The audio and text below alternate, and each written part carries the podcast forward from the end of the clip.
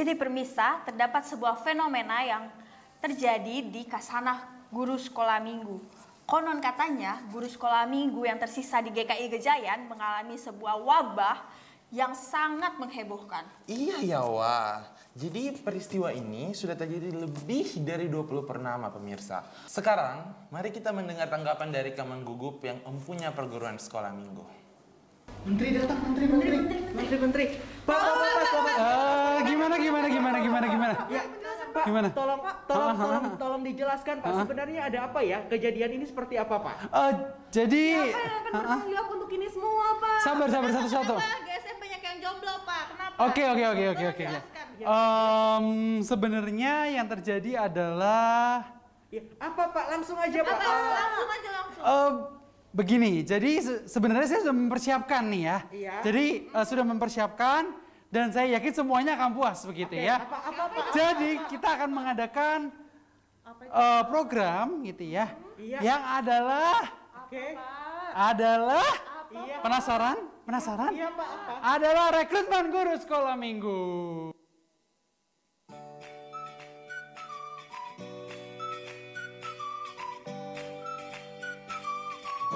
Ayo, kami tunggu kami tunggu ya di sekolah minggu GKI Gejayan. Ayo kami tunggu ya di Sekolah Minggu GKI Gejayan.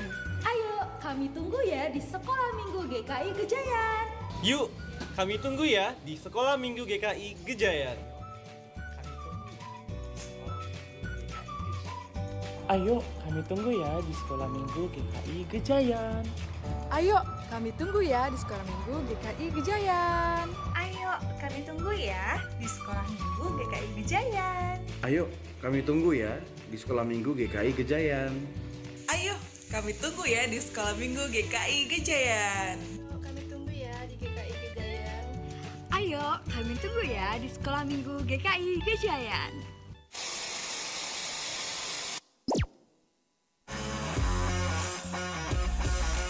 Shalom makna. Sate Bang Jack adalah sebuah program saat teduh yang mengajak kita menyediakan waktu khusus untuk merenungkan sabda Tuhan setiap hari. Firman Tuhan ini yang akan menuntun kita untuk menjalani kehidupan kita yang penuh dengan tantangan. Doa kami adalah supaya renungan singkat ini bisa menjadi berkat bagi sahabat makna di mana pun Anda berada. Untuk permohonan doa dan konseling dapat dikirimkan ke nomor 0878 78 75 75 54.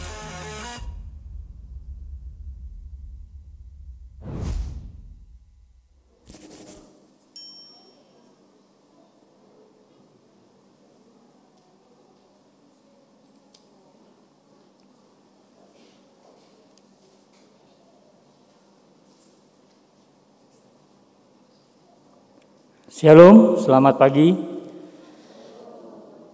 Bapak Ibu Saudara yang terkasih. Majelis Jemaat GKI Gejayan menyampaikan selamat datang dan selamat beribadah kepada semua war- warga jemaat yang hadir pada saat ini dan juga jemaat Tuhan di mana pun berada yang mengikuti siaran live streaming. Mari kita mempersiapkan diri dan hati kita untuk mengikuti ibadah pada hari ini. Bersama ini kami informasikan beberapa warta lisan sebagai berikut.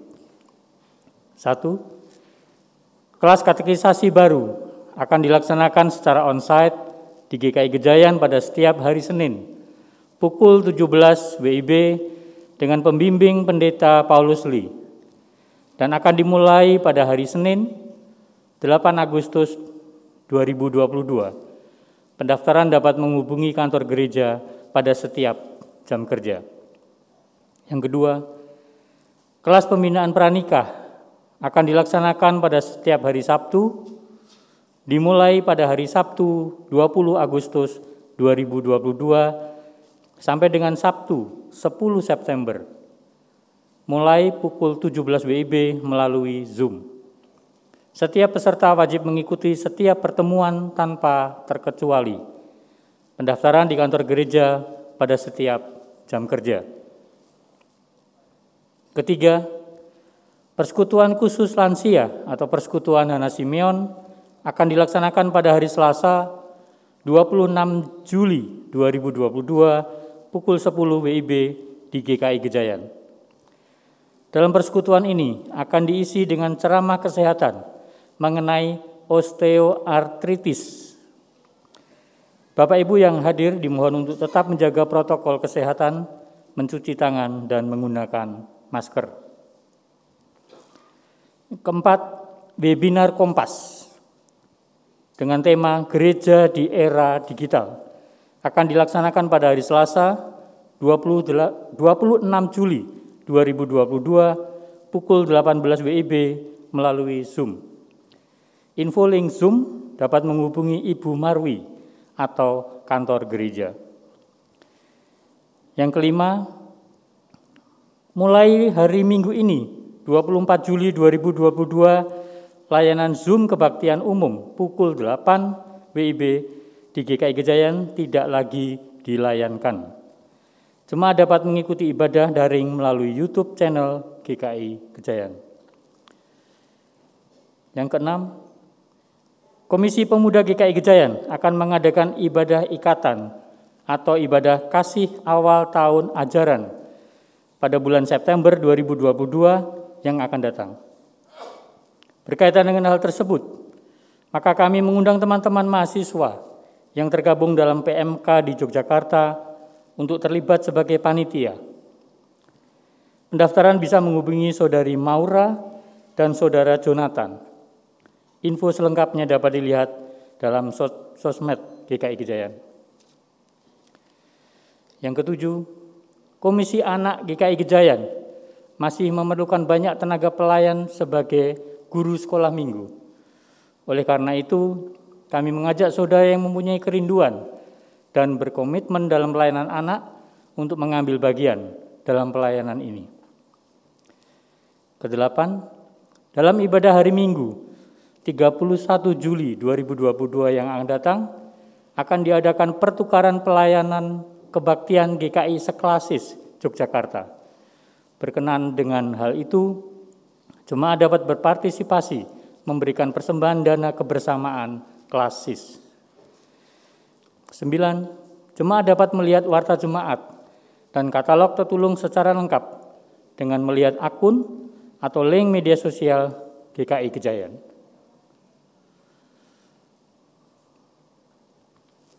Ibadah hari ini dengan tema aksi dan doa bagi pemulihan bangsa. Pelayan firman, Pendeta Guratan Pamentasing Pragulaesa. Mari Bapak Ibu Saudara, kita bersaat teduh sejenak.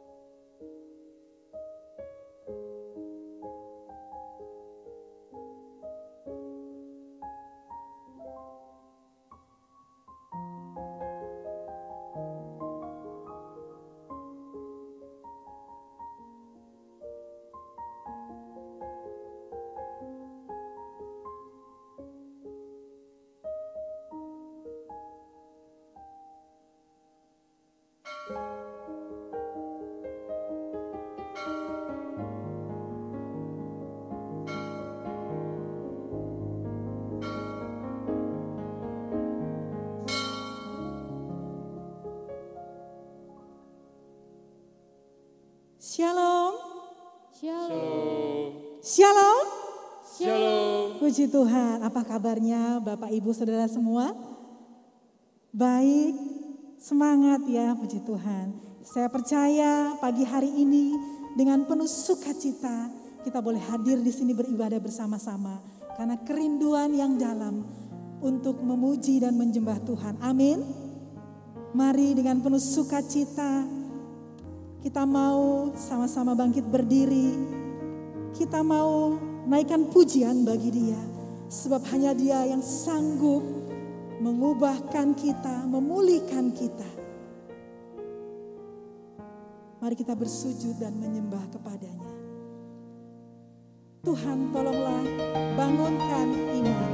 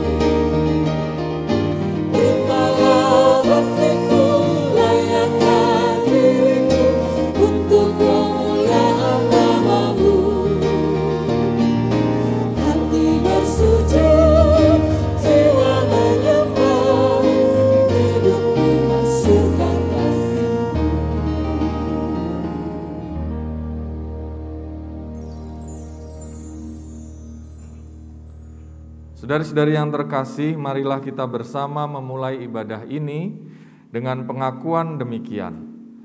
Pertolongan kita adalah di dalam nama Tuhan yang menjadikan langit dan bumi, yang kasih setianya tetap untuk selama-lamanya, yang memelihara umat manusia di tengah pergumulan dan goncangan kehidupan. Amin.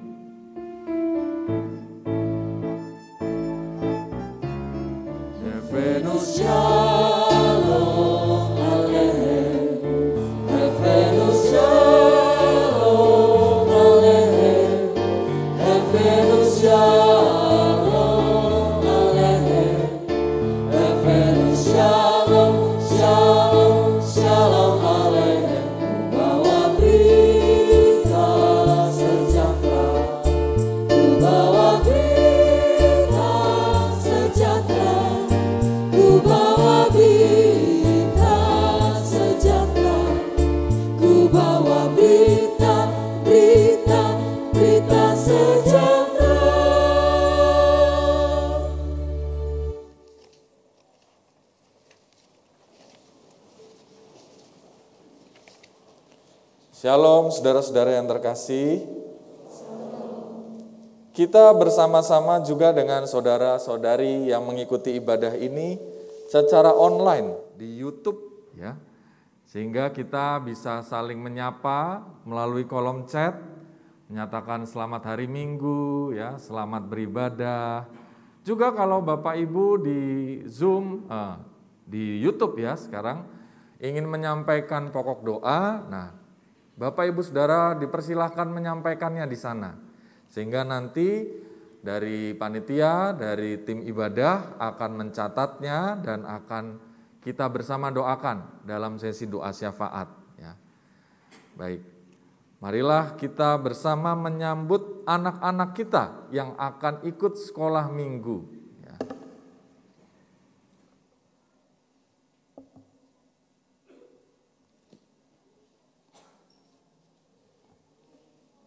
Mari kita sambut anak-anak sekolah minggu dengan bersuka cita, baca kitab suci, doa setiap hari.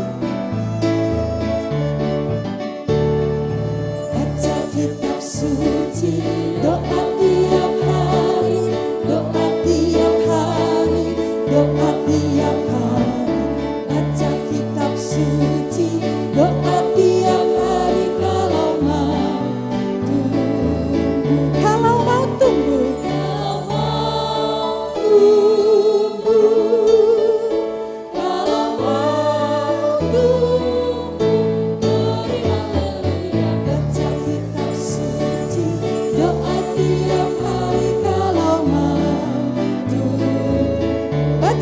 suci doa tiap hari.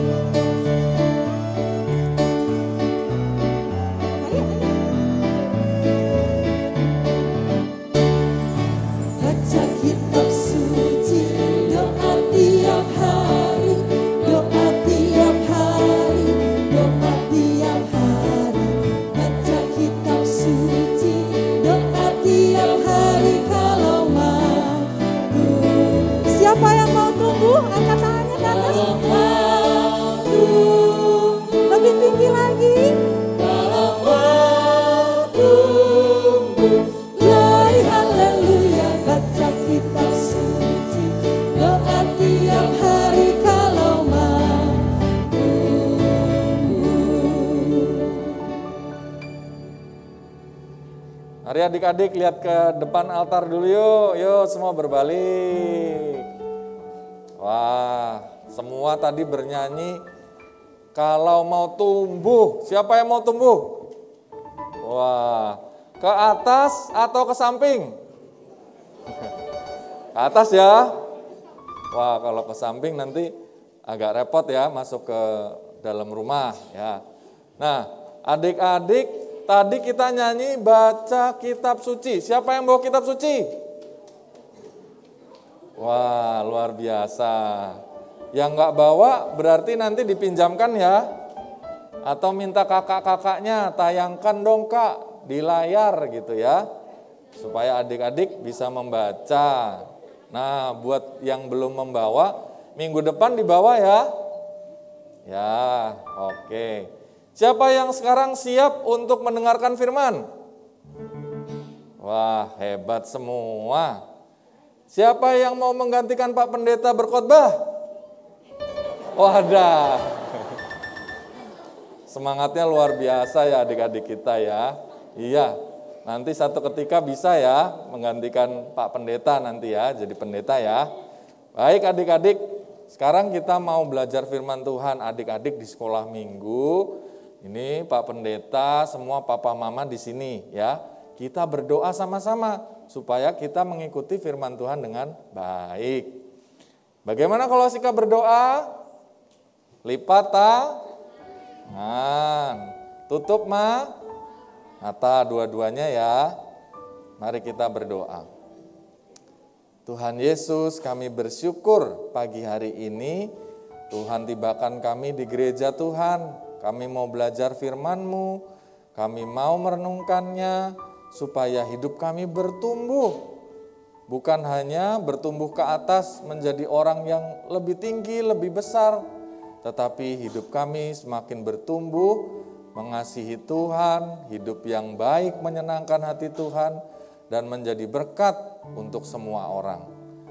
Pakailah kakak-kakak sekolah minggu untuk dapat mengajar kami, dan biarlah sukacita kami meluap ketika kami memuji Tuhan dan mendengarkan firman-Mu. Hanya di dalam nama Tuhan kami Yesus Kristus kami mau sekolah minggu dan menerima berkat Tuhan. Kiranya damai sejahtera dari Tuhan Yesus Kristus, kasih sayang Allah Bapa, penyertaan Roh Kudus, terus menjagamu, menjadikanmu terang dan garam dunia hari ini dan setiap hari. Amin. Selamat sekolah minggu. Baca kitab suci.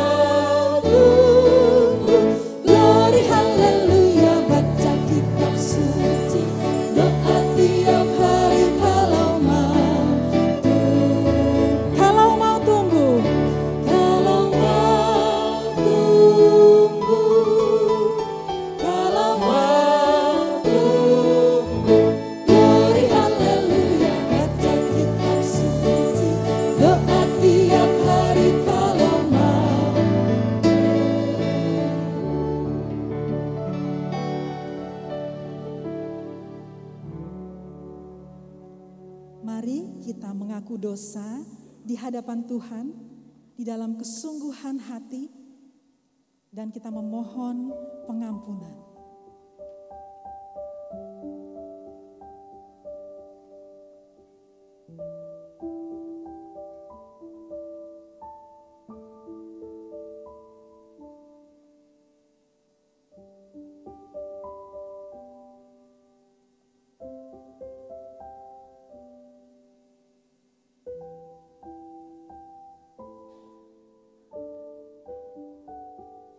Bapa yang penuh kasih, saat ini kami datang ke hadirat-Mu, mohon pengampunan yang dari Engkau Tuhan.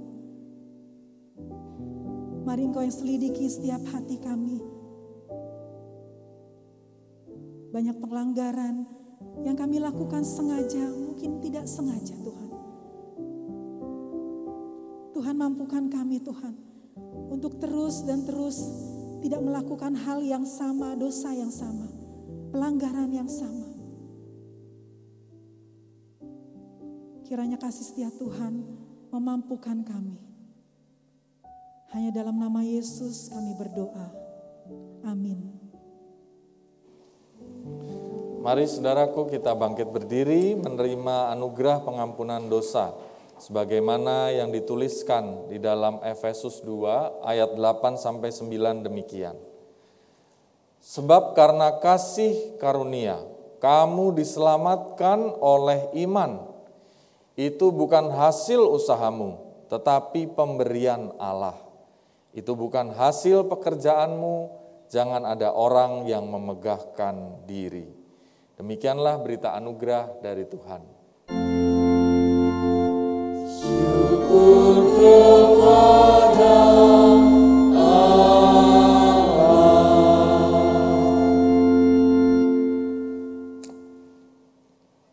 Dengan penuh ucapan syukur dan penuh hati yang rendah, mari kita mencari wajah Tuhan. Mari kita mau berseru, berdoa bagi pemulihan bangsa dan negeri Indonesia yang kita kasihi ini. Pulihkan negeri kami.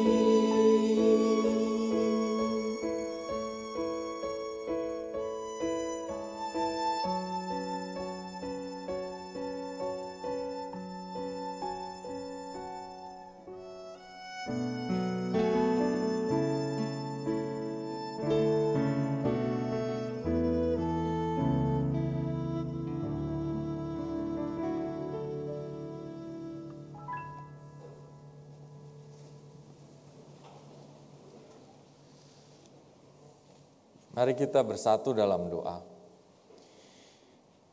Ya Tuhan, kami rindu supaya Tuhan memulihkan negeri kami dari berbagai macam pencobaan, berbagai macam tragedi, berbagai macam masalah yang pada hari-hari ini masih terjadi. Kami terus berdoa supaya Engkau memperhatikan kami dalam setiap hal yang kami hadapi sebagai kesatuan bangsa ini. Karenanya ya Tuhan, biarlah firman-Mu hadir di tengah kami, menyapa, menguatkan kami, supaya kami menyadari maksud hati Tuhan untuk bangsa ini. Melalui diri kami, Engkau ingin melakukan sesuatu, dan biarlah kami dapat memahaminya di dalam firman-Mu itu. Kami buka seluruh hidup kami di hadapan firman itu, biarlah sang firman menyapa, meneguhkan kami, menguatkan sekaligus menegur kami, sehingga hidup kami semakin berpadanan dengan kehendak Tuhan dan membawa kebaikan bagi bangsa ini. Hanya di dalam Kristus kami berdoa dan bersyukur. Amin.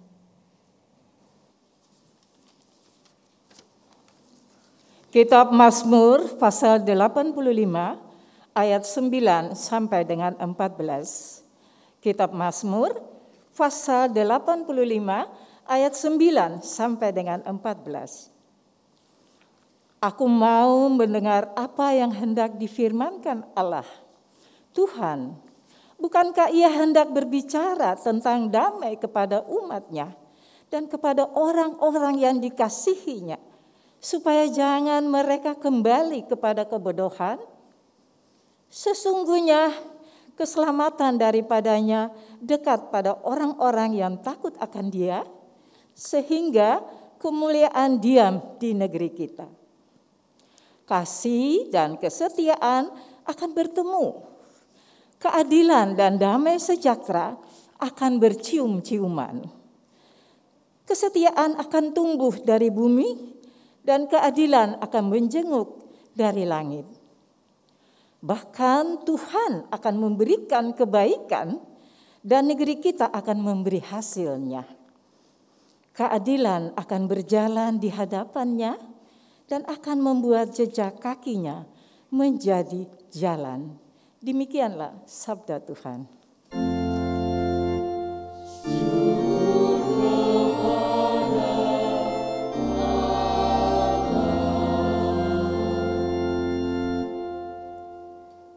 Mazmur 138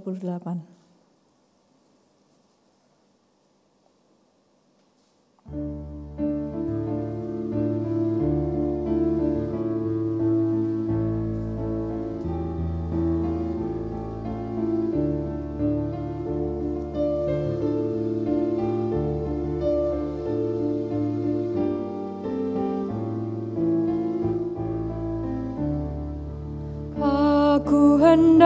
hendak menaikkan syukur bagimu Tuhan dengan segenap hati.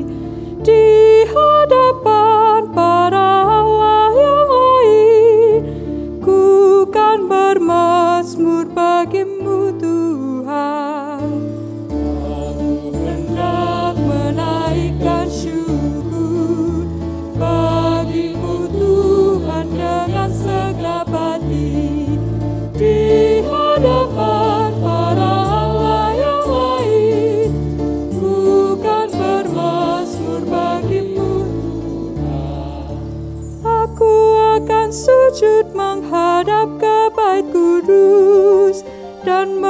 memuji Tuhan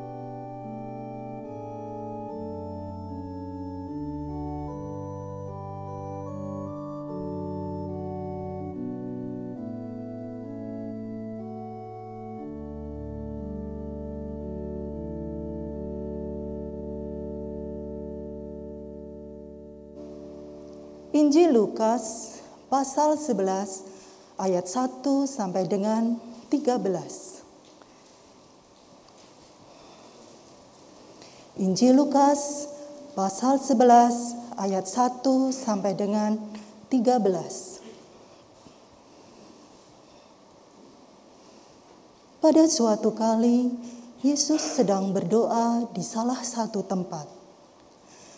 Ketika ia berhenti berdoa, berkatalah seorang dari murid-muridnya kepadanya, "Tuhan, ajarlah kami berdoa sama seperti yang diajarkan Yohanes kepada murid-muridnya."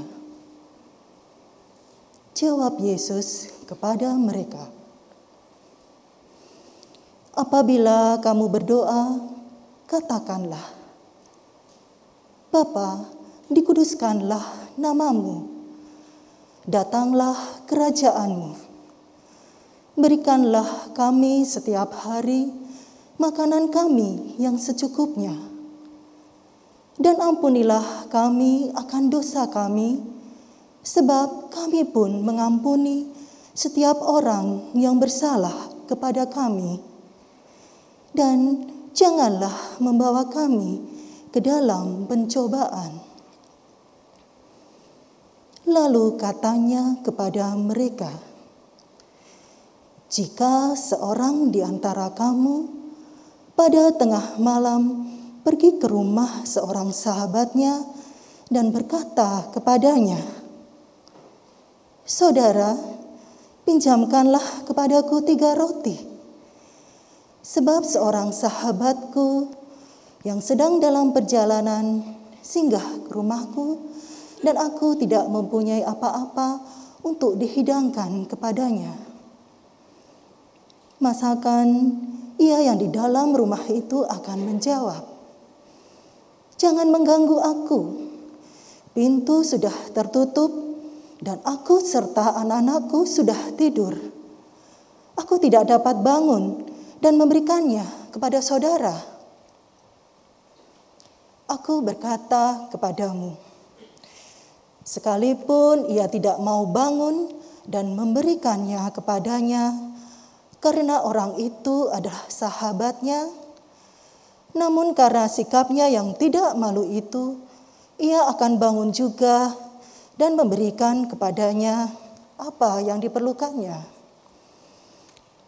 Oleh karena itu, aku berkata kepadamu, mintalah, maka akan diberikan kepadamu. Carilah, maka kamu akan mendapat. Ketoklah, maka pintu akan dibukakan bagimu. Karena setiap orang yang meminta, menerima, dan setiap orang mencari, mendapat, dan setiap orang yang mengetok, baginya pintu dibukakan. Bapa manakah di antara kamu, jika anaknya minta ikan daripadanya, akan memberikan ular kepada anaknya itu ganti ikan? Atau jika ia minta telur, akan memberikan kepadanya kala jengking? Jadi, jika kamu yang jahat tahu memberi pemberian yang baik kepada anak-anakmu, apalagi Bapamu yang di sorga, ia akan memberikan roh kudus kepada mereka yang meminta kepadanya. Demikianlah Injil Yesus Kristus. Berbahagialah saudara yang menerima berita Injil, menyimpan dalam hati, dan menerapkannya dalam hidup sehari-hari. Haleluya!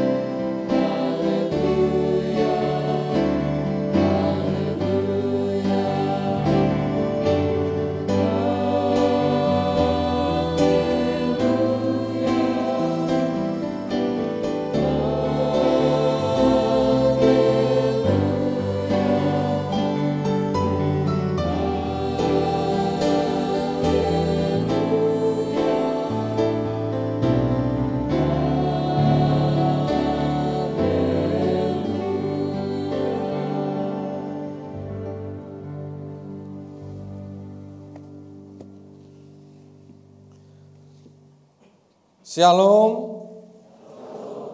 Saudara-saudara, pernahkah kita mendengar kata haolis? Wah, kata apa itu, Pak? Ya. Mungkin banyak dari kita baru pertama kali mendengar kata haolis. Tapi saya yakin kalau kalimat yang ini sudah cukup akrab di telinga kita. Doa adalah nafas hidup orang percaya. Artinya kalau belum pernah berdoa, kita belum pernah ber Saudara yang bilang ya. Dan kita percaya kita semua bernafas di tempat ini karena kita sudah pernahlah berdoa. Ya.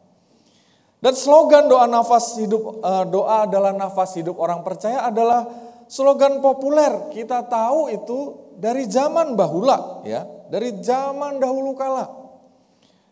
Setujukah kita dengan slogan ini? Setuju Pak. Kalau nggak setuju nanti nggak bisa nafas ya. Begitu mungkin yang kita pikirkan. Artinya sebenarnya ungkapan ini ingin menuturkan bagian penting dalam keseharian orang Kristen adalah doa. Dengan berdoa, berkomunikasi dengan Tuhan, kita sedang memberi nafas pada hidup kita. Sekarang kita kembali kepada haulis. Tahukah saudara bahwa kata haulis ternyata adalah kata yang bertolak belakang dengan slogan tadi.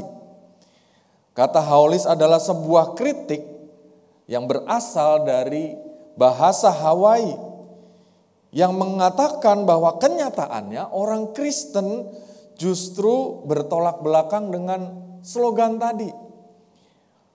Haulis ini berarti orang-orang yang hidup tanpa nafas. Paulus ingin mengatakan bahwa orang-orang Kristen di sana di Hawaii ini adalah orang-orang yang hidup tanpa nafas. Loh, kok bisa? Kita penasaran. Kenapa kok penduduk asli Hawaii itu sampai pada kesimpulan orang Kristen tanpa nafas? Nah, dalam sebuah buku dijelaskan saudara-saudara, ditulis oleh Alice Kaholouluna ya. Dia menuliskan bahwa ternyata pada zaman dahulu sebelum kekristenan masuk ke Hawaii, sebelum pekabaran Injil itu masuk ke sana, orang-orang yang percaya pada kepercayaannya masuk ke kuil-kuil dengan tekun bermeditasi, mempersiapkan diri sebelum masuk, saat masuk mereka merangkak sampai ke altar, mempersembahkan permohonan mereka. Saat keluar mereka memberikan waktu untuk menafaskan kehidupan doa-doa mereka. Menghayati bahwa mereka sungguh memberi waktu dan menghidupi apa yang mereka yakini itu. Nah, tetapi berbeda dengan orang-orang Kristen di sana, dikatakan bahwa mereka datang hanya berdiri. Sekedarnya beberapa saat, beberapa kalimat, lalu cepat-cepat berkata amin. Nah, karena alasan itulah mereka menyebut orang-orang ini orang haulis, Kristen tanpa nafas. Kristen yang gagal menafaskan kehidupan ke dalam doa-doanya. Saudara, ini adalah sesuatu yang menarik. Mengapa ini menarik? Karena persoalannya bukan terletak pada kenyataan bahwa orang-orang Kristen di sana itu tidak berdoa. Ya. Orang-orang Kristen di sana itu berdoa, tetapi menurut masyarakat Hawaii tidak menghayati, menghidupi doa-doa mereka. Dan ketika kita mendengar hal ini, mungkin kita sedang mengoreksi diri dan berkata, "Tuhan, saya ini sebenarnya bersyukur sampai hari ini masih berdoa." Ya. Akan tetapi, saudara, kita merenungkan juga lebih dalam, lebih dalam. Apakah ada gejala di masa sekarang kita mengulang kembali sindrom haulisme ini yang dialami orang Kristen di Hawaii? Adakah selama ini kita salah menjalani sikap doa kita? Apakah itu muncul ketika kita kadang merasa ragu, bimbang, bertanya-tanya, doa saya didengar apa enggak sih? Atau mungkin dalam ekspresi ketika diminta berdoa kita kadang kurang percaya diri. Kita merasa bahwa susunan kata, kalimat kita kayaknya kurang pantas deh, kurang bagus dibandingkan orang lain. Lalu bagaimana seharusnya kita berdoa? Dan lebih dari itu, bagaimana kita harus melihat pribadi Tuhan dalam doa-doa kita. Nah saudara bersyukur hari ini kita membaca bagian firman Tuhan membahas tentang doa. Pada satu saat Tuhan Yesus sedang berdoa, para muridnya memperhatikannya. Lalu para murid berkata kepada gurunya ini, ya Tuhan ajarkanlah kami berdoa seperti yang dilakukan Yohanes kepada murid-muridnya. Saudara, sebenarnya ini adalah sebuah ekspresi yang positif ya.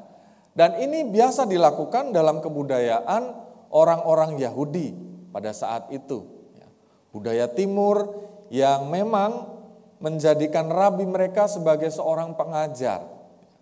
Tetapi kalau kita perhatikan ada sedikit yang berbeda. Mereka mengatakan ajarkanlah kami doa seperti Yohanes kepada murid-muridnya. Ini berarti mereka meminta supaya mereka diajarkan akan doa yang terdengar seperti orang lain. Doa yang menjadi satu standar yang bagus yang dilekatkan sama pada diri saya sendiri. Dan alih-alih Tuhan Yesus mengajarkan doa yang sama, kita kemudian membaca bahwa Tuhan Yesus mengajarkan penggalan doa Bapa kami yang secara paralel juga kita sering sebutkan. Yang kita baca di Matius pasal yang ke-6 kurang lebih ya. Nah di sana saudara kita melihat secara mendalam Tuhan Yesus tidak hanya menyebutkan tentang doa Bapa kami itu apa ya. Tetapi lebih mendalam Tuhan Yesus menjelaskan bagaimana sikap seharusnya dalam menjalani kehidupan doa, memandang Allah dalam doanya. Tuhan Yesus kemudian memberikan satu perumpamaan ya. Bahwa satu ketika ada seorang yang di tengah malam kedatangan tamu. Ya. Di mana tamu-tamu ini datang di tempat di mana atau di waktu di mana ia tentunya sudah terlelap. Tetapi orang ini singgah di rumahnya dan dalam kebudayaan timur pada saat itu orang akan berusaha sedemikian rupa untuk menunjukkan hormatnya, sopan santunnya, bahkan juga eh, sajian yang terbaik kepada tamu bahkan orang asing yang ditemuinya. Karena pada saat itu kebudayaan e, di timur itu selalu menghabiskan makan pada waktu malam supaya tidak menumpuk makanan dan tidak dapat dimakan kembali, maka tidak ada makanan yang tersedia malam hari itu. Nah saudara, ternyata orang ini kemudian pergi ke rumah sahabatnya. Di rumah sahabatnya itu, di dalam kebudayaan orang timur biasanya rumah itu pintu selalu terbuka jika orang-orang yang tinggal di dalamnya masih bangun. Jadi aksesnya begitu mudah. Tetapi malam hari itu dan di tengah malam dia tahu bahwa pintu itu sudah tertutup. Dan dalam kebudayaan orang Yahudi pada saat itu biasanya mereka banyak dari antara mereka yang tinggal di rumah sederhana hanya satu petak ya, di mana terbagi dalam dua bagian. Ya. Dasarnya itu penuh dan dasarnya itu kira-kira dua per tiga atau naik sepertiga. Ya. Dan di naik sepertiga itu di antara tempat yang kecil itu ada perapian. Di sanalah semua orang yang tinggal di dalam rumah itu berkumpul untuk tidur berdekat-dekatan. Ya. Sehingga kalau ada yang bangun, otomatis pasti semuanya akan bangun. Tetapi saudara, dalam situasi demikian, orang yang kedatangan tamu ini kemudian mengetuk pintu. Ya, dia menanggung resiko dianggap orang yang tidak sopan. Dia menanggung resiko dianggap orang yang tidak tahu waktu dan tempat. Dia menanggung resiko akan menjadi satu ketidaknyamanan bagi sang tuan rumah dan keluarganya. Karena dia tahu dia harus menolong dan memberkati orang-orang asing yang datang ke rumahnya. Dan di luar dugaan saudara bahwa ternyata sahabatnya yang memiliki rumah yang diminta tolong ini, dia kemudian bangun dan memberikan juga apa yang diminta oleh sahabatnya itu. Nah, saudara, Tuhan Yesus memberikan satu penjelasan ini untuk memperbandingkan secara kontras. Jika dalam kehidupan masyarakat, kehidupan mereka pada saat itu, orang pun memiliki hati. Jika diketuk karena ada satu hal yang sangat dibutuhkan, Terlebih lagi Allah kita. Dalam kata-kata selanjutnya, ayat-ayat selanjutnya Tuhan Yesus menyebutkan bahwa kita memanggil Allah kita itu Bapak kita, orang tua kita. Dia terlebih lagi tahu, terlebih lagi memperhatikan, dan terlebih lagi ingin memberikan yang terbaik bagi kita. Dia tidak akan memberikan kita ular, kalau kita minta ikan. Dia tidak akan memberikan kita kala jengking kalau kita meminta telur kepadanya. Sehingga kita mendapati beberapa hal yang penting dalam bacaan yang menarik ini. Yang pertama, sebenarnya Tuhan Yesus ingin bilang ya, bahwa kita diundang untuk gigih dalam berdoa. Karena kita percaya ia adalah Bapa kita yang sungguh-sungguh memperhatikan, mengasihi kita dan memiliki hidup kita ini. Dalam bacaan ini diberikan ayat emas yang sering kita baca, ya. Saya akan bacakan bagi kita lagi. Lukas 11 ayat 9 sampai 10 mengatakan demikian. Mintalah maka akan diberikan kepadamu. Carilah maka kamu akan mendapat. Ketoklah, maka pintu akan dibukakan bagimu. Karena setiap orang yang meminta menerima, dan setiap orang yang mencari mendapat. Setiap orang yang mengetuk baginya pintu dibukakan. Ayat yang indah yang memberikan kepada kita harapan bahwa Tuhan memperhatikan kita. Tetapi bagaimana membaca ayat ini sebenarnya. Dan bukankah sebenarnya ayat-ayat ini bisa dibaca keliru ya, sehingga muncullah sindrom haulisme di mana kita berdoa menjadi sebuah rutinitas atau sebuah situasi di mana kita tidak memiliki harapan. Keduanya kadang-kadang menjadi begitu tipis kita rasakan. Ya. Kadang-kadang kalau hidup kita baik, kita menjadikan Doa itu menjadi rutinitas sehingga kita kehilangan makna bahwa dia adalah Bapak kita. Dia sungguh-sungguh memperhatikan kita. Atau dalam ekstrem berikutnya, kita menjadi seorang haulis Kristen atau Kristen tanpa nafas, ya, menjadi mumi Kristen, ya, ketika kita menjadikan doa kita sebagai harapan-harapan yang harus terwujud. Ketika kita kecewa, kita enggan lagi berdoa. Karena kita merasa bahwa ketika kita berdoa tidak terjadi sesuai dengan yang kita harapkan. Dulu kita, misalnya saja, dulu seseorang sangat rajin berdoa. Kenapa? Karena ingin dapat kerja. Sesudah dapat pekerjaan, ya, lalu lupa berdoa. Dulu sangat rajin berdoa. Kenapa? Karena ingin dapat pekerjaan, ingin masuk perguruan tinggi impian, ingin dapat pasangan, ingin dapat penghasilan yang lebih, ingin untung usahanya. Ketika masih belum terwujud dapat pekerjaan, belum dapat pasangan, belum masuk universitas impian, belum mendapatkan penghasilan yang meningkat dan untung dalam usahanya.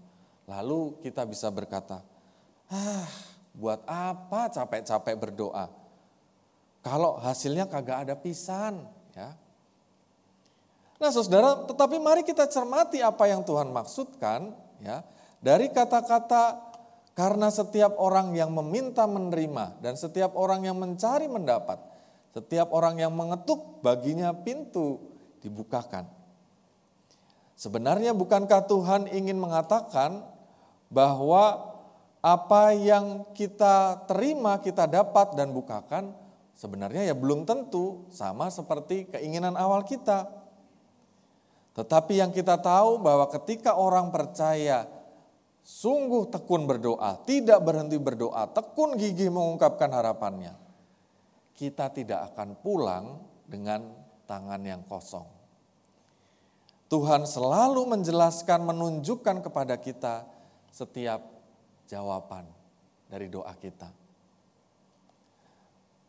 Saudaraku, bila kita punya anak yang masih balita, ya, dan kita ingin bermain merobek-robek kertas menggunakan silet, ya, kira-kira kita mengizinkannya ataukah tidak?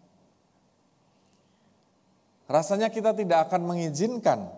Mengapa? Karena kita tahu itu berbahaya dan belum saatnya ia menggunakannya. Ada saatnya kelak. Tapi kira-kira jika kita mengambil silet itu dari tangan anak kita, apa yang terjadi? Bisa jadi anak itu akan marah, mengamuk, ya. Kalau memaksa, dia akan melukai tangannya sendiri. Dan itulah gambaran kehidupan orang tua dengan anak, bapak kita dengan kita, anak-anaknya orang percaya. Tuhan itu tahu bahwa ada saat waktunya kita itu diberikan sesuatu yang tepat, yang pantas. Dan jika kita sungguh-sungguh menghayati bahwa tidak selalu dia memberikan segala sesuatu sesuai dengan apa yang kita mau, dia punya gantinya. Supaya kita bisa bermain dengan kertas, dengan hal-hal yang kita inginkan, tetapi aman. Sesuatu yang lebih menghibur hati kita bahkan bukan dengan satu kerangka yang sama pada awal yang kita inginkan tadi. Ya. Nah, saudara, ketika kita percaya bahwa ia adalah Bapak kita, berarti dia adalah orang tua kita. Dan kita tahu bahwa orang tua kita selalu memberi yang terbaik meski tidak sesuai dengan yang kita ingin atau rencanakan. Saudara, saya punya seorang rekan pendeta yang sudah menikah bertahun-tahun ia dan pasangan terus berdoa agar Tuhan memberikan keturunan. Tahun berganti tahun, mereka semakin cemas, bingung bila ditanya oleh teman-teman, oleh orang tua, mertua, saudara, kapan nih punya momongan, ya. Semakin dipikir, semakin mereka merasa tertekan. Akhirnya mereka memutuskan untuk mengubah doa mereka. Menyerahkan apa yang Tuhan mau pakai di dalam kehidupan mereka. Sebab Tuhan adalah Bapak mereka. Tuhan paling tahu apa yang terbaik bagi mereka, sehingga mereka menjadi rileks, santai terhadap realitas yang terjadi. Mereka tidak lagi tertekan, mereka tahu, percaya Tuhan punya rencana.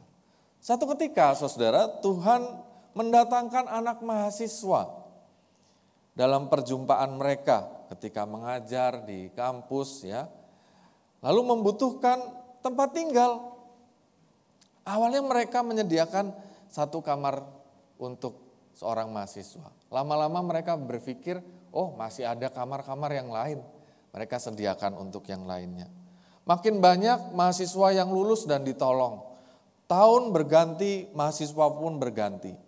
Di antara mereka ada yang sudah menjadi seorang sarjana, bahkan di antaranya sekolah teologi dan sudah menjadi seorang pendeta. Dan yang paling menyentuh, mereka tetap menganggap pendeta ini dan istrinya adalah orang tua mereka. Jadi ketika ada di antara mereka yang menikah, lalu pendeta dan istri ini menjadi orang tua wali bagi anak-anak asuh mereka ini. Dan sampai hari ini mereka berdua masih aktif memberkati pasutri-pasutri yang bergumul tentang memohon keturunan eh, kepada Tuhan. Nah saudara, bukankah ini kisah nyata yang begitu indah? Dulu mereka ingin punya seorang anak, Tuhan tidak memberikan mereka seorang anak. Tetapi Tuhan memberikan belasan bahkan mungkin puluhan sampai hari ini karena sudah bertambah terus ya, dari antara anak-anak yang membutuhkan kasih Tuhan.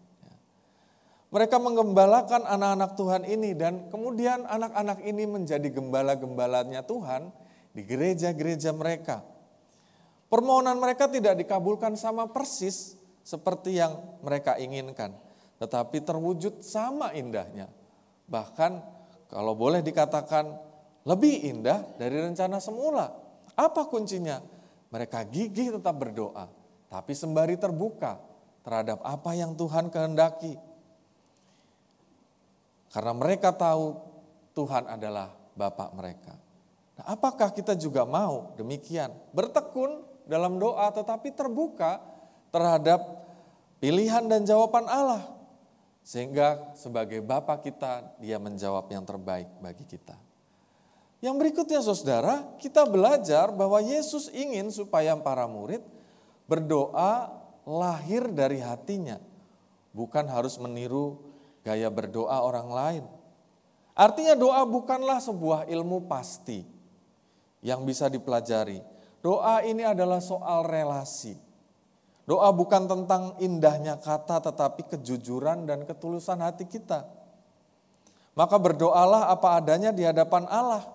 Dan ketika kita diminta untuk memimpin doa, percayalah bahwa Allah mendengar seruan hati kita lebih menghargai kejujuran hati kita dibanding keindahan kata-kata kita. Ini penting disadari sebab sering kali saudara sadar atau tidak kita berdoa kepada Tuhan tetapi pikiran dan hati kita bisa terarah kepada orang-orang yang ada di sekeliling kita. Contohnya kadang ada orang yang mengaku, aduh saya ini tidak bisa berdoa. ya Kalau di depan umum mending jangan saya. Takut nanti kata-kata saya tidak bagus, ya tidak pantas didengarkan. Ya, nanti malah mengganggu. Tetapi kalau berdoa sendiri atau dalam hati, dia baik-baik saja. Kenapa begitu? Karena pikirannya lebih terarah kepada orang-orang yang ada di sekitarnya, bukan kepada Tuhan. Padahal doa bukan soal kata-kata bagus atau puitis, doa soal ketulusan dan kesungguhan. Nah, kita membaca di dalam Matius 6 ayat 7 sampai 8. Dalam doamu itu janganlah kamu bertele-tele. Seperti kebiasaan orang yang tidak mengenal Allah. Mereka menyangka bahwa karena banyaknya kata-kata doanya akan dikabulkan. Jadi janganlah kamu seperti mereka karena Bapamu mengetahui apa yang kamu perlukan sebelum kamu minta kepadanya. Ya. Jadi kita melihat bahwa kata-kata yang berkenan di hadapan Tuhan itu bukan yang panjang dan yang indah ya. Karena Tuhan sudah tahu isi hati kita ya. Bahkan ketika kita tidak bisa berdoa, Roma 8 ayat 26 mengatakan, demikian juga roh membantu kita dalam kelemahan kita. Sebab kita tidak tahu bagaimana sebenarnya harus berdoa. Tetapi roh sendiri berdoa untuk kita kepada Allah dengan keluhan-keluhan yang tidak terucapkan. Nah saudaraku bukankah ini hal luar biasa? Kita tidak perlu berdoa dengan kata-kata yang harus dibentuk sedemikian rupa. Tetapi ketika kita berdoa dengan hati dan ketulusan Tuhan mendengarkan kita. Maka sambutlah dengan sukacita ketika kita diminta untuk berdoa. Karena Tuhan ingin memakai kata-kata sederhana kita menjadi saluran berkat. Melalui kejujuran dan ketulusan hati bukan keindahan kata. Yang terakhir saudara, Tuhan Yesus ingin supaya kita berdoa dengan rasa peduli akan orang-orang yang singgah di hidup kita. Dari kisah tadi kita melihat si tokoh utama yang kedatangan tamu itu dikunjungi tamu tengah malam di rumahnya. Waktu tengah malam mengindikasikan waktu mereka sudah beristirahat, semua anggota keluarga bisa bangun, tetapi ia terlebih dahulu mau bangun. Ia terlebih dahulu mau menyatakan kasihnya kepada orang-orang asing yang tidak dikenalnya. Bahkan ketika mendatangi rumah sahabatnya dia berkata, ada sahabat-sahabatku, ya, yaitu orang-orang kasing. Aku harus memberikan mereka makan. Pinjamkanlah aku tiga potong roti. Ya. Dengan kata lain saudara, ia merendahkan dirinya untuk kebutuhan orang lain melalui doanya itu.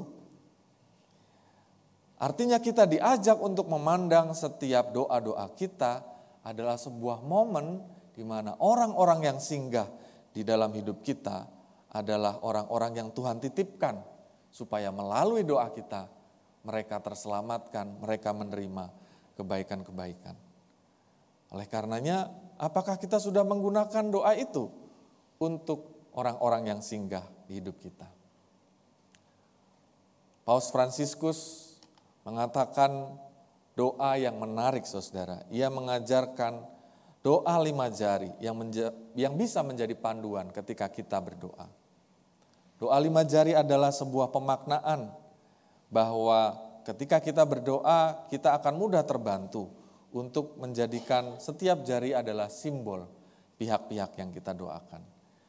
Doa ibu jari adalah doa untuk mereka yang paling dekat dengan kita maka berdoalah pertama-tama untuk ayah ibu, kakak adik, kakek nenek, pasangan, anak-anak agar mereka diberkati senantiasa.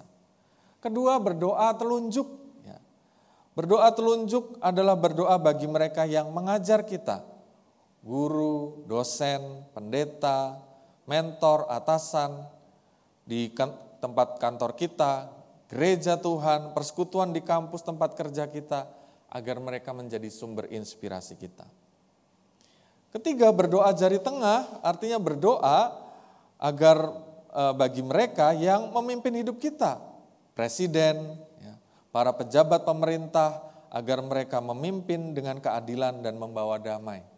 Berdoa agar mereka dapat membawa kebaikan bagi bangsa kita. Yang keempat, berdoa untuk jari yang terlemah, yaitu jari manis. Artinya kita mau berdoa bagi orang-orang yang lemah, sakit, bermasalah, agar kuat menghadapi permasalahan. Dan banyak dibantu oleh orang-orang yang peduli kepada mereka. Dan yang terakhir adalah jari kelima, jari terkecil. Pokok doa di mana kita mengingat diri kita supaya setiap hal yang kita harapkan, sesuai dengan apa yang Tuhan mau. Dan Tuhan memakai kita menjadi saluran berkat. Sudahkah kita menikmati setiap doa kita selayaknya berkomunikasi dengan sahabat?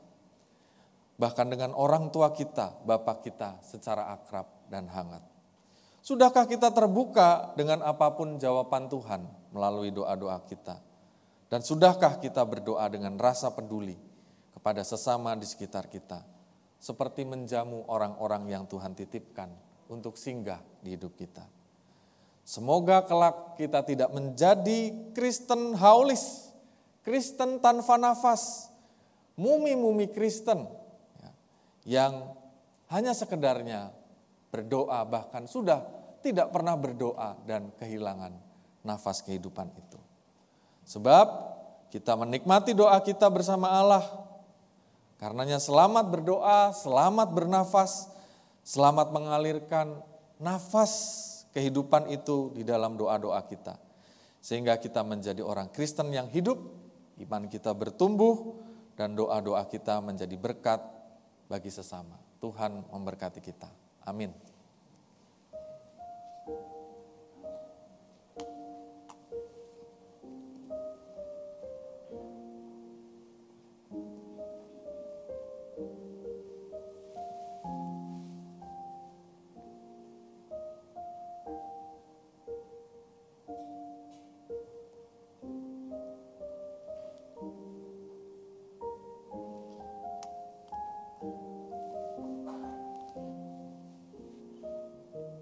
Tuhan, pada saat ini kami sungguh bersyukur untuk merenungkan kembali kehidupan doa kami.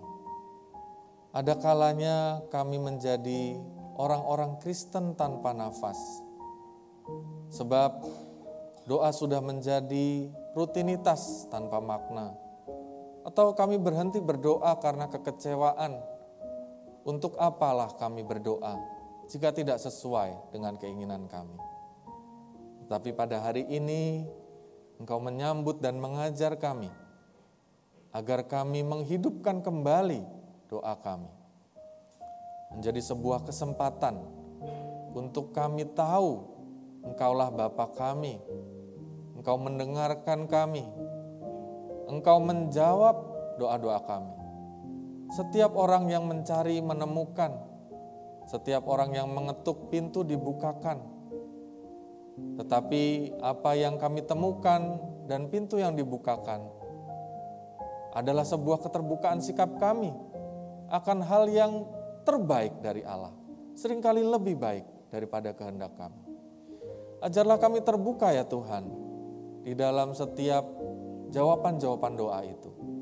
Dan pakailah setiap doa kami bukan hanya terarah pada diri kami sendiri, tetapi pada dunia yang Tuhan cintai ini. Sehingga ketika tangan terlipat, jari terkatup, setiap jari kami adalah bentuk kami mengingat orang-orang di sekitar kami yang Tuhan titipkan bagi kami. Sehingga mereka mendapatkan berkat melalui setiap kata harapan yang kami ungkapkan kepadamu. Kami bersyukur ya Tuhan untuk pembelajaran doa hari ini. Ya Tuhan kami juga ingin menaikkan syafaat kami kepadamu. Yang pertama kami berdoa untuk rencana-rencana hidup saudari-saudari kami yang mengikuti ibadah melalui online. Untuk anak Sisko tumbuh kembangnya, untuk keluarga Bapak Henry Widianto, Saudari Dedi Purnama, berkatilah setiap rencana mereka, supaya dalam setiap rencana itu rencana Tuhan sendiri yang Tuhan nyatakan dan kebaikan-kebaikan Tuhan dapat mereka pahami. Kami berdoa untuk jemaat yang sakit dan dalam pemulihan. Saudara Adol Odolov Dunata, anak Widya, dan mungkin di antara kami ada yang sakit. Berkatilah ya Tuhan, supaya kami disembuhkan melalui perawatan dokter, suster, tenaga medis, obat-obatan, semua menjadi kepanjangan tangan Tuhan untuk berkarya bagi kami. Dan berkatilah ya Tuhan, supaya negeri kami pun juga dipulihkan dari berbagai macam bencana, dari berbagai macam penderitaan, dari situasi pandemi, supaya kehidupan kami semakin baik dalam berbagai segi kehidupan dan bangsa kami dapat bangkit dari segala keterpurukan untuk merasakan cinta dan berkat Tuhan. Inilah ya Tuhan doa dan sembah kami.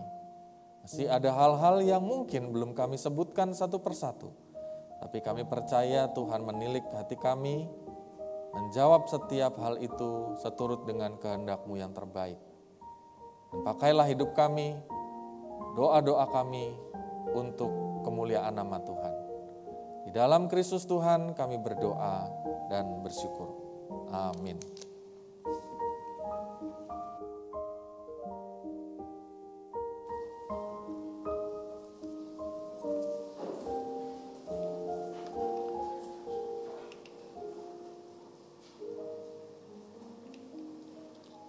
Jemaat yang dikasih Tuhan, mari bersama orang percaya di segala tempat dan di sepanjang segala abad kita mengikrarkan pengakuan iman kita berdasarkan pengakuan iman rasuli yang demikian.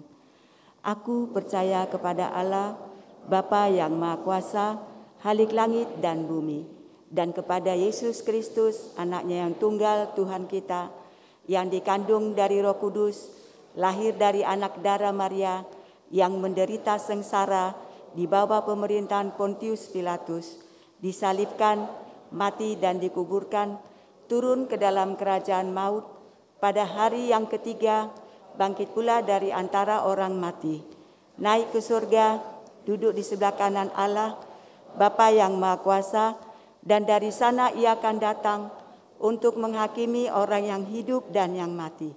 Aku percaya kepada Roh Kudus, gereja yang kudus dan am, persekutuan orang kudus, pengampunan dosa, kebangkitan orang mati, dan hidup yang kekal. Amin.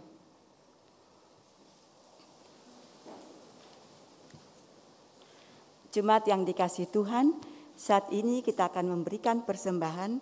Mari bersama kita memberikan persembahan yang terbaik sambil mengingat Imamat 19 ayat 5 kita baca bersama-sama. Apabila kamu mempersembahkan korban keselamatan kepada Tuhan, kamu harus mempersembahkannya sedemikian hingga Tuhan berkenan akan kamu. Selamat memberi persembahan yang terbaik bagi Tuhan. Tuhan Yesus memberkati.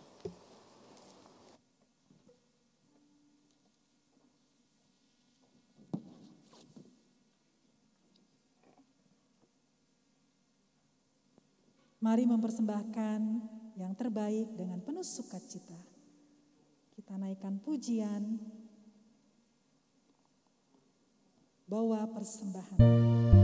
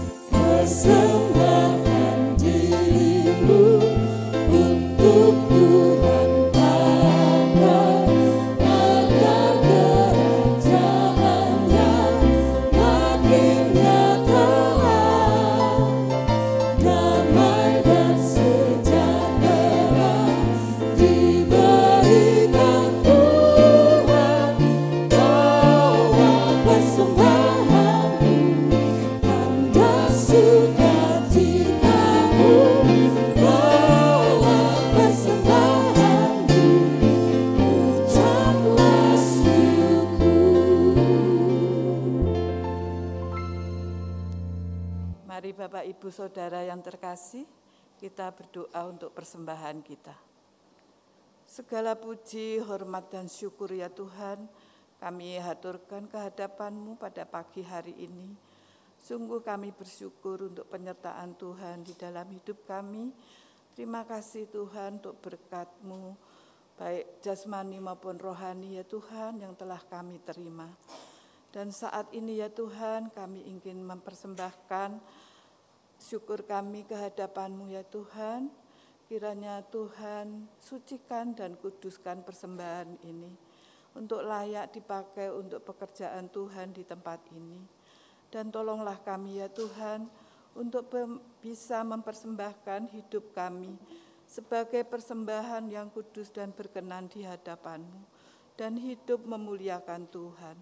Terima kasih Tuhan, di dalam nama Tuhan Yesus semua ini kami mohon. Haleluya, amin. Mari kita kembali dengan meyakini bahwa Tuhan akan membuka jalan bagi kita jika kita sungguh berserah kepadanya. Ku yakin Tuhan tuntun langkahku.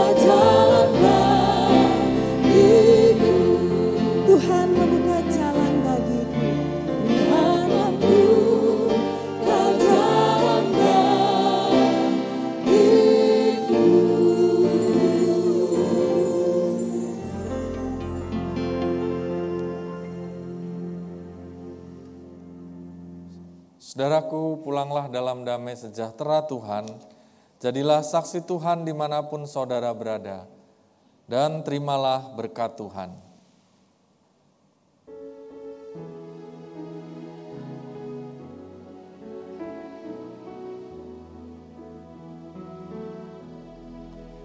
Kasih Tuhan mengiringimu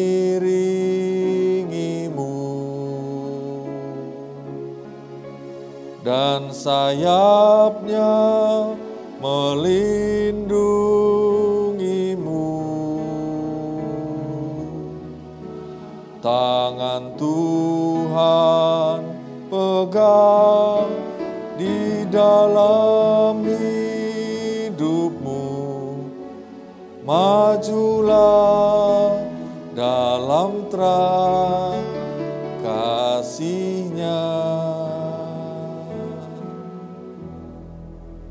Tuhan memberkati engkau dan melindungi engkau. Tuhan menyinari engkau dengan wajahnya dan memberi engkau kasih karunia.